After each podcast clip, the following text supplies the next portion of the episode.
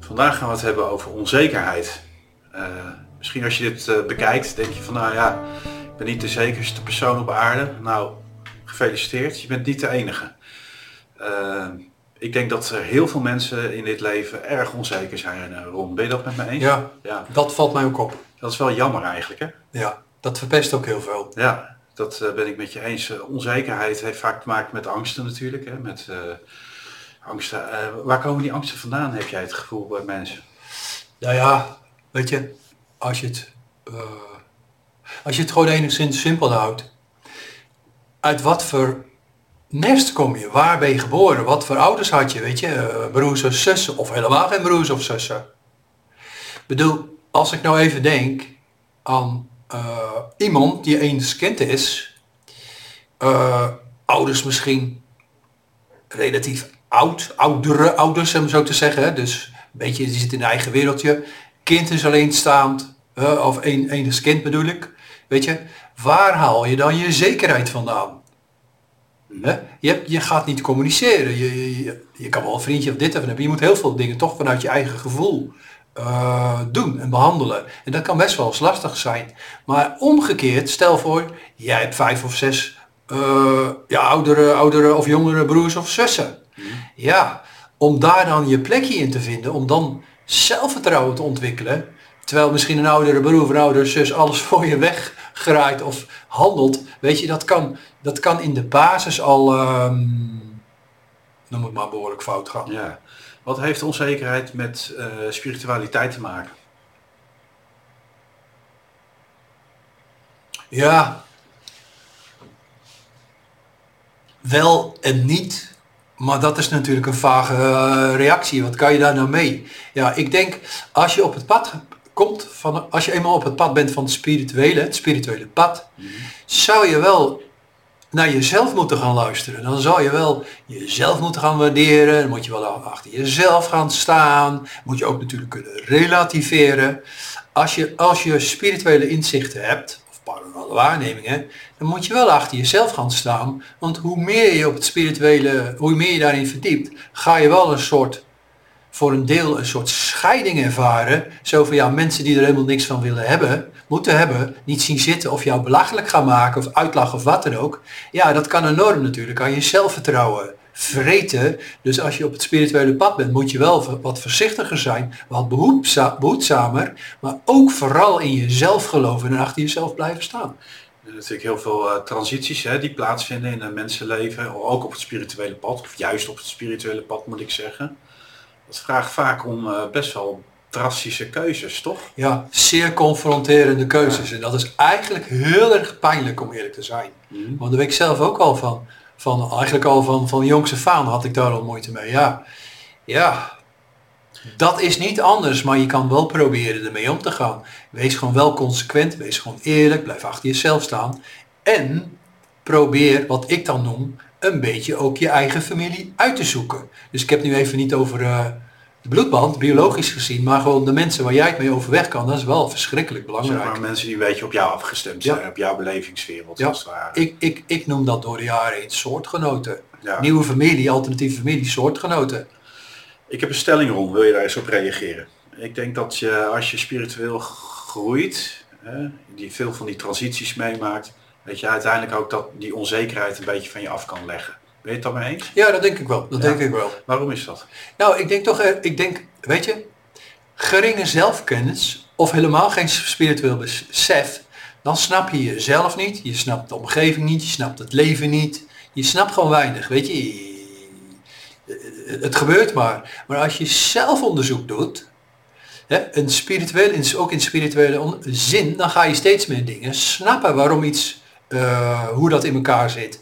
En als je meer inzicht krijgt, ga je het beter snappen. Maar dan hoef je dus ook niet meer zo, zo onzeker te zijn. Want je denkt, ja, ik snap het wel, ik heb het wel door. Ik wil niet zeggen dat het dan altijd makkelijk is, want dat is het natuurlijk niet. Maar je kan daardoor wel, uh, ja, noem het maar, kracht uithalen. Ja. Uh, de reacties vaak van mensen die onzeker zijn, hè, die zijn vaak wel herkenbaar voor de buitenwereld. Is dat ze uh, vaak ook de schuld, bijvoorbeeld als er iets gebeurt, buiten zichzelf leggen. Herken je dat? Ja, Veel mensen zijn geneigd om een vinger te wijzen naar die ander, in plaats van naar zichzelf. Mhm. En ik vind dat niet goed. Ik vind dat het veel beter is. ehm, niet dat je jezelf nou moet beschuldigen, zo bedoel ik het niet, maar je kan beter eerst maar bij jezelf gaan zoeken, een soort zelfonderzoek doen. Je kan beter acht van de tien keer de vinger naar jezelf wijzen. Ik denk dat dat leerzamer is dan acht van de tien keer wijzen naar een ander toe. Maar dat ligt gevoelig. Dat bedoel ik ook niet vervelend, want je moet ook niet helemaal op je eigen eilandje gaan zitten. Weet je, geïsoleerd gaan leven en jezelf afschermen. Dat moet je natuurlijk ook niet doen. Maar ja, jezelf durven te zijn. Jezelf willen zijn. En niet direct alles afweren of allerlei trucs verzinnen. Een trucendoos door allerlei maskers op te zetten. of mensen af te houden, eh, af te snauwen of wat dan ook. Nee, luisteren naar je gevoel. Dat serieus te nemen. Dat uit te werken. Stap voor stap. Dag per dag.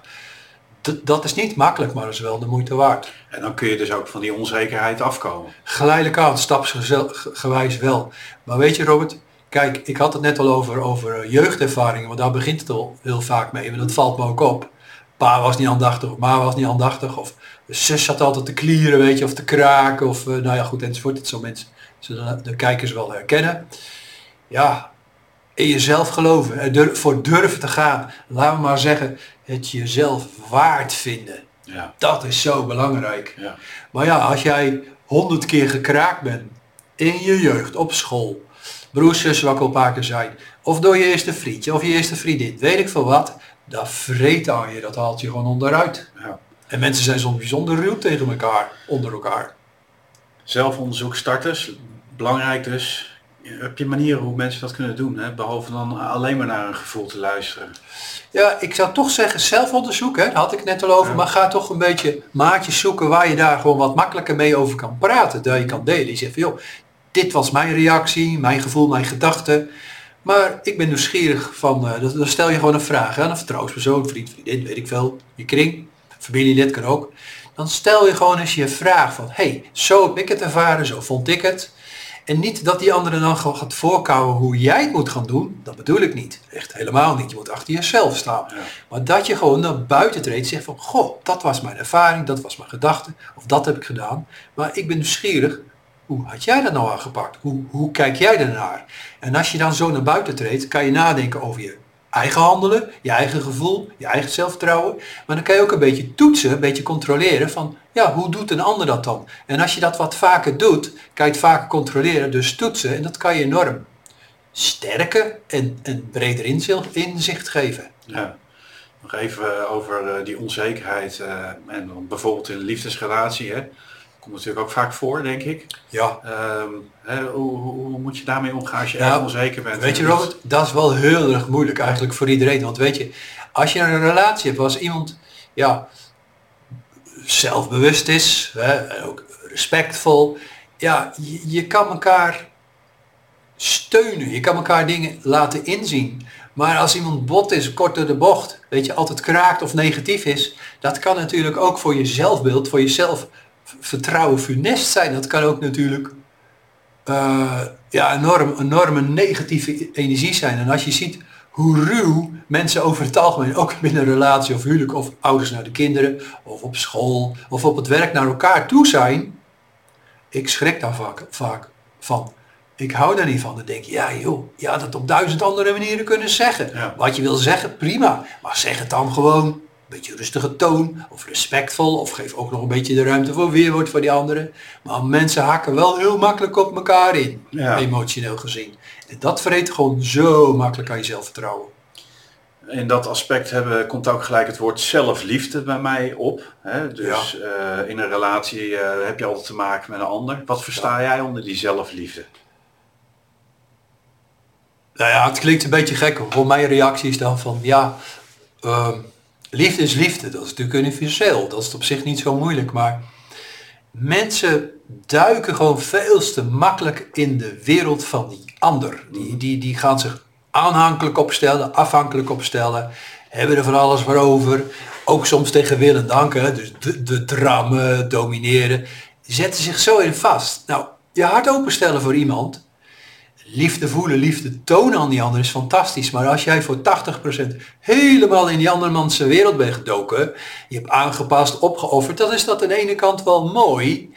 Maar dat wil wel vaak veel zeggen over je zelfbeeld van ja, oké, en, en, en wie ben jij dan? En, en vind jij dat dan wel leuk om, uh, om uh, ja, naar mensen toe te gaan of uh, te gaan uiteten of naar een theater of wat dan ook. Mensen slaan zichzelf heel makkelijk over uit liefde. Maar dat gaat vaak ten koste van het gevoel van zelf, je zelfbeeld zelfliefde. Uit liefde of uit onzekerheid? Kan ook, ook vanuit onzekerheid. Maar ik denk niet dat dat altijd met onzekerheid te maken is. Nee, het is een beetje het aard van het beestje. Kijk, ik, ik, ik noem nu maar een teken hoor, voor het gemak, een dierenriemteken, een boogschutter. Alle tekens kunnen veel voelen, liefde beleven, dat is het punt niet. Maar een boogschutter die pakt een pijl, hè, symbolisch hè, gewoon een pijl, schiet dan op iemand, maar die schiet dan zo op diegene, die is zo gefocust op diegene. Ja, als dan in een relatie het niet zo lekker verloopt, uh, dat iemand misschien egoïstisch is of gewoon weinig ruimte voor jou heeft of je gedachten, ben je helemaal gefocust met je gevoel en je, doen en laten en vaak ook nog een keer in, niet alleen in emotionele zin, maar ook materiële zin, dus financiële zin. Ja, als het dan niet goed gaat of diegene denkt van joh, vind jou te veel of jou eigenlijk helemaal niet meer zo leuk. Die heeft misschien stel alweer een contact ernaast, hè, het gein of opkomend of zo. Kan het jou voorkomen af, afbreken. Dus wees wel een beetje voorzichtig met wie je je vertrouwen en je gevoel geeft. Maar goed, ik vind er ook wel een behoorlijke tegenstelling in zitten. Als je heel veel met die ander bezig bent, dan kom je toch eigenlijk ook niet aan jezelf toe. En kun je toch ook niet die onzekerheid van je afleggen uiteindelijk, want je gaat die transities niet door. Nee. Toch? Nee. Het is, het, is, het is dan in mijn geval, en het is natuurlijk wel een beetje zwart-wit gesteld, dat weet ik ook wel. Maar mensen gaan vaak te ver.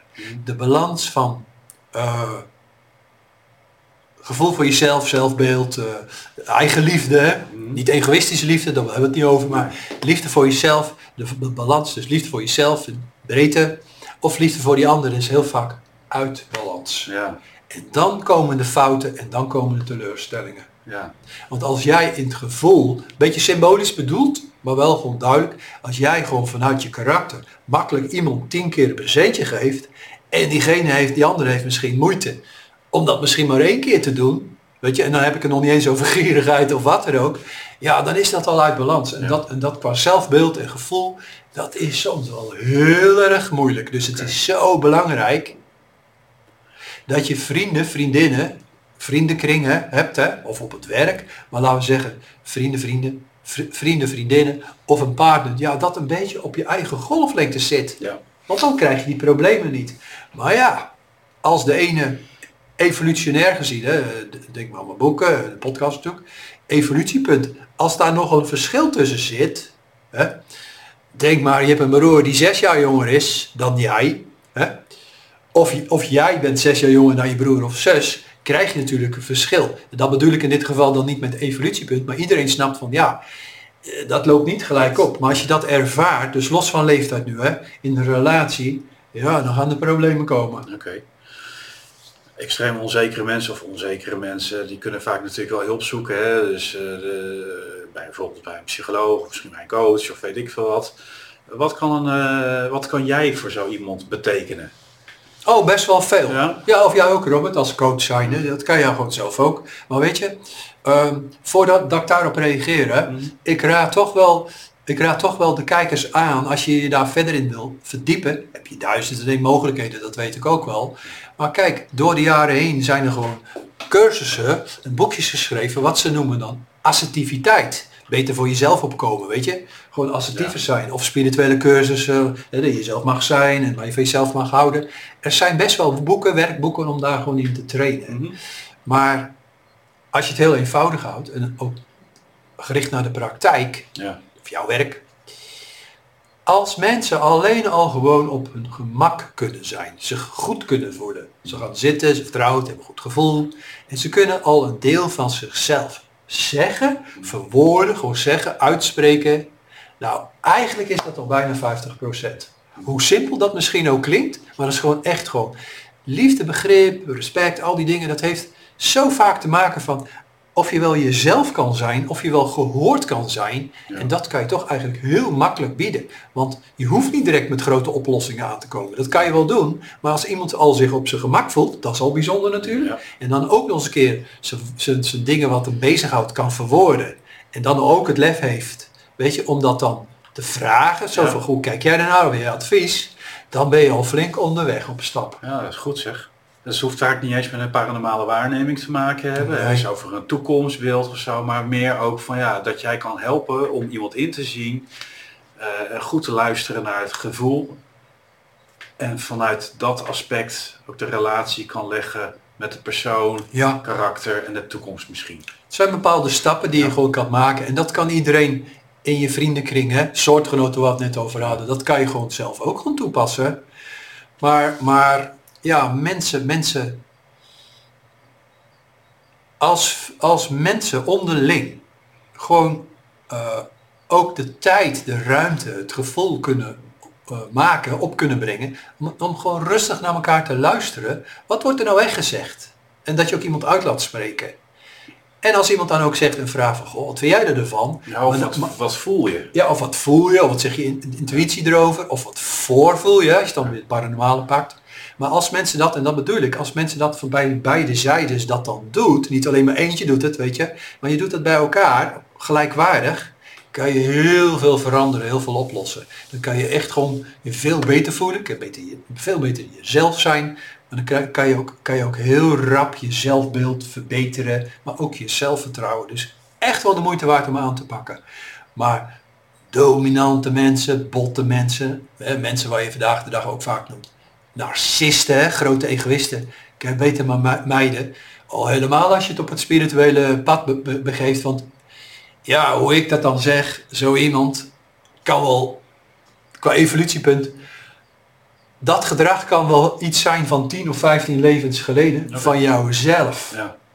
Maar daar heb je al lang overwonnen. Je bent al lang verder gegroeid, geëvalueerd. Dus met andere woorden, diegene, een hele bot iemand, hè, dan heb ik wel over extreem geval.